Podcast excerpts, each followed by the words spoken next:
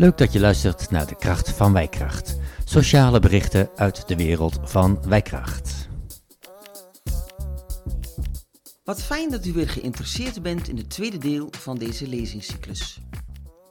Vandaag neem ik u weer een stukje verder mee in het brein. Ik ga u iets vertellen over drie belangrijke functies van het brein die een zeer belangrijke rol spelen, met name bij mensen met dementie. Als eerste de amandelkern, daarna empathie en tot slot het sensoorordeningssysteem, ook afgekort als SOS. Maar laten we ook nog even terugblikken. Misschien heeft u het schema gevonden van het boven- en onderbrein en ligt het nu op uw tafel of naast uw pc. We hebben ontdekt dat ons brein bestaat uit vier lagen en dat we die allemaal nodig hebben voor al onze prikkels, handelingen en keuzes. Denkt u nog even aan de voorbeelden van het warenhuis of het koffiezetten. Van het laatste voorbeeld kunt u op YouTube een heel mooi filmpje hierover vinden. Het heet Dementie. Wat is dat eigenlijk? Al deze goed gevulde lagen zorgen ervoor dat u goed kunt functioneren als zelfstandig mens. Maar bij mensen met dementie werkt het bovenbrein niet meer optimaal. In een later stadium nauwelijks meer. Kunt u zich dat voorstellen? Voelen hoe dat is? Ik ga u straks. Ik ga straks met u wat ervaar-beleefmomenten delen. Nog even iets praktisch. Als ik zij zeg, dan bedoel ik natuurlijk ook hij. Ik neem u weer mee aan de hand van een aantal stappen. De eerste stap, de amandelkern. Dit is een amandelvormige kern die fysiek boven in het onderbrein zit. U kunt dus nu dit woord opschrijven naast laag 2. Denkt u nog even aan de pauzeknop? De amandelkern wordt ook wel de angstkern genoemd. Want het voornaamste gevoel dat in de amandelkern zit is angst. En dat zit er niet zomaar. De amandelkern behoedt ons voor onveilige situaties. Enkele voorbeelden hiervan zijn: u krijgt hete thee over uw arm. Op straat toetert iemand. U hoort iets ritselen in het bos. Of onverwachts valt iets naar beneden. Voorbeelden genoeg om te bedenken. De amandelkern screent bij ons onmiddellijk de situatie, zodat we er adequaat op kunnen reageren. Dit doen we weer met ons bovenbrein. En hier ligt meteen ook het venijn. Mensen met dementie, waarbij het bovenbrein niet meer zo goed functioneert, schrikken ook. Maar zij kunnen dit niet goed corrigeren. Ze worden, bang, boos of zelfs agressief. Herkent u dat? Als u iemand onverwachts van achteren benadert, kan deze persoon zo schrikken dat hij een klap uitdeelt dan wordt het vechten of vluchten. Wat doe je hier? Of donder op. Een goed bedoelde arm lost dan ook niet alles op. En soms kunnen we nog een klets verwachten. Oh, wat is ze agressief? Nee, we zijn veel te snel. Of van de verkeerde kant op iemand afgelopen. Wat kunnen wij nu doen? Vooral langzaam, vriendelijk en empathisch bejegenen. Met name dat woord empathie. Laten we daar eens naar gaan kijken. We gaan naar de volgende stap. Wat is dat, empathie? Dat is meeleven, meevoelen met een ander. Dat zit in onze natuur. Als we zien dat iemand hulp nodig heeft, reiken we haar een hand toch? Empathie behoort met zijn plaats bovenin laag 4 tot de hogere eigenschappen. Dit woord kunt u ook wel opschrijven, naast laag 4 in het schema. Het goede nieuws is nu dat bij dementie deze eigenschap blijft bestaan. Heeft u wel eens ervaren dat iemand met dementie u aanvoelt? Uw stemmen, stemming of gezichtsuitdrukking spreken soms boekdelen. En daarnaast is empathie tegengif voor de amandelkern. Als wij dan onze empathie inzetten bij de bejegening, krijgen we daarvoor vaak iets terug. In de vorige lezing heb ik ook verteld dat het gevoel intact blijft. En dat we dus naar een ander niveau of vlak moeten om contact te zoeken. Stelt u zich eens voor dat er een klepje zit tussen het boven- en het onderbrein. Hoe krijgen we dan dat klepje open? Wat denkt u? Precies. We moeten in ons contact met iemand die een aangetast bovenbrein heeft, weer samen naar het onderbrein. En als we dan echt contact maken, dan gaat het klepje misschien meer openstaan en klimmen we samen naar het bovenbrein. Er kunnen dan heel verrassende situaties ontstaan. Ik heb zelf al eens meegemaakt bij een mevrouw in een dagopvang dat ze mij aanvoelde zonder dat ik het wist. Ik had een slechte dag, waardoor maakt ook niet zo heel veel uit. Maar ze voelde mij haarfijn aan op een hoger niveau. Eerst kwam ze op me af en legde ze een arm op mijn arm. En daarna zei ze van, je hoeft je niet zo druk te maken. Vooral niet druk maken. Het is goed zo. Ik was zo verbaasd, omdat op dat moment zij hoger opklimt in het brein. Een heel mooi voorbeeld vind ik zelf. We gaan naar de laatste stap. Het sensor oring system of het SOS-systeem heeft een remmende functie op dynamische prikkels die op ons afkomen. Het kan ze wegwerken en afzwakken. En het zit onderin laag 3. Noteert u maar. Het schema is nu eigenlijk klaar. Maar we gaan nog verder. Elke dag komen er vele soorten prikkels op ons af in grote hoeveelheden. Voorbeelden hiervan gaf ik u ook al in lezing 1. Maar dan hebben we het nog niet over het nieuws, onze omgeving, deze samenleving. Wij kunnen prikkels filteren. Maar als dit systeem niet goed werkt, dan is concentratie onmogelijk.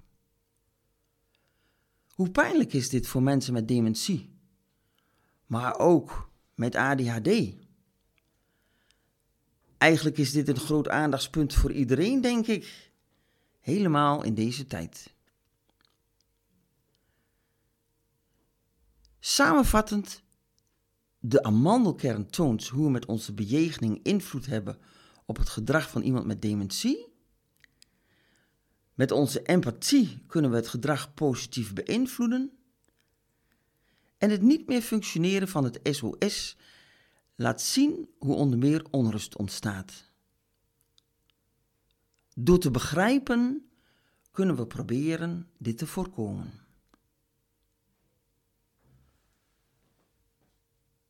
Bejegening, dat woord blijft maar terugkomen. De manier waarop we met iemand omgaan. Eigenlijk is dit woord ook de rode draad van deze lezing. Hoe beje- bejegenen we iemand met dementie? Zo optimaal mogelijk. Een aantal dingen zijn heel belangrijk. Als eerste,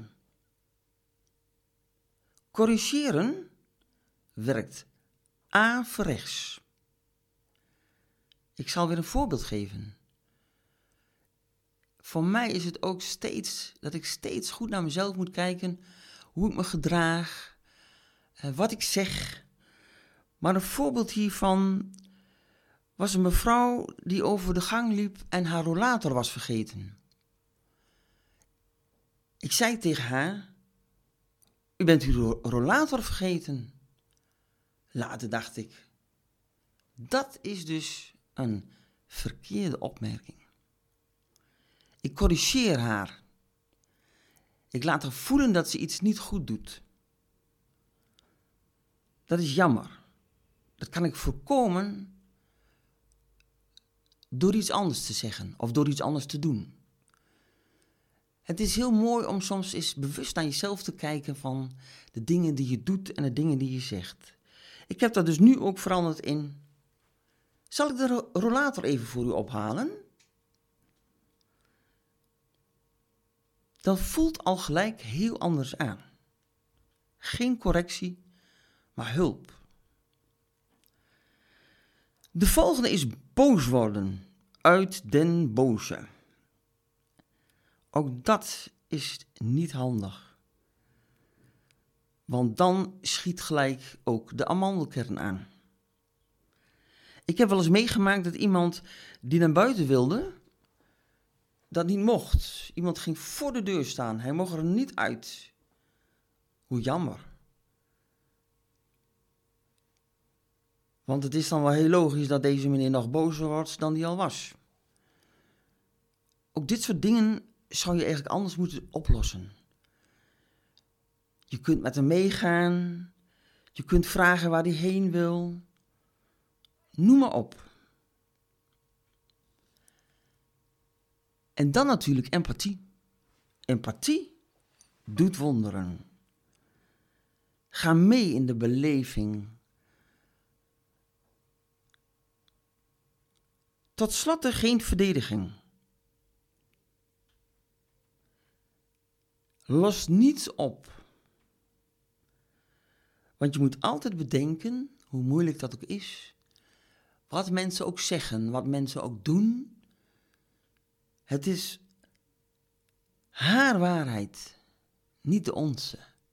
Zij voelt het zo. Zij denkt zo. Zij ziet zo. Zij ervaart zo. We moeten meebewegen.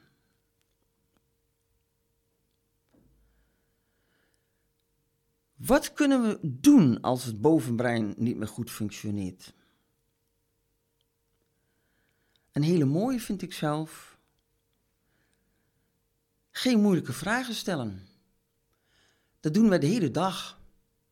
Hoe was het gisteren? Wat vind je van het weer? Noem maar op.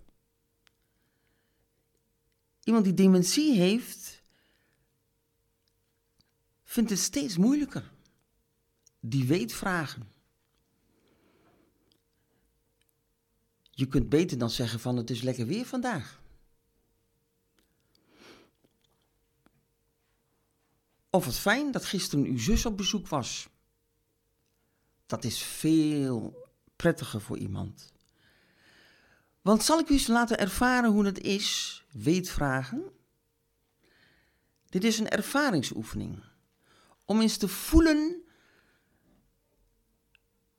hoe dat is als je geen antwoord weet op vragen. Hier komen ze. Deze vragen zijn dus voor jullie. Wat is de hoofdstad van Zambia? Appeltje eitje toch? Of de wortel van 1849? Nou, en de scheikundige afkorting van ammoniak is toch ook geen probleem? En wat deed jij op 2 oktober in de ochtend? Nou, hoe voelt dat? Werd u verward? Viel het tegen? Werd u boos? Opstandig? Nou, zo voelt dat dus. En dat doen we heel vaak. Dus het is heel mooi om eens goed naar jezelf te kijken en al die weet en waarom vragen is om te buigen in iets anders. In het hier en nu. Wat heeft u een mooie sjaal om?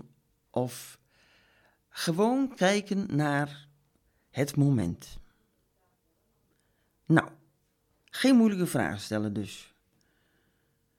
Ja, en dan het volgende punt is eigenlijk ook weer logisch. Niet in discussie gaan. Net zoals niet in de verdediging gaan.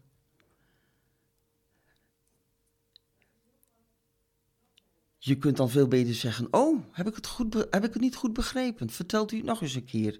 Je kunt veel beter weer meebewegen.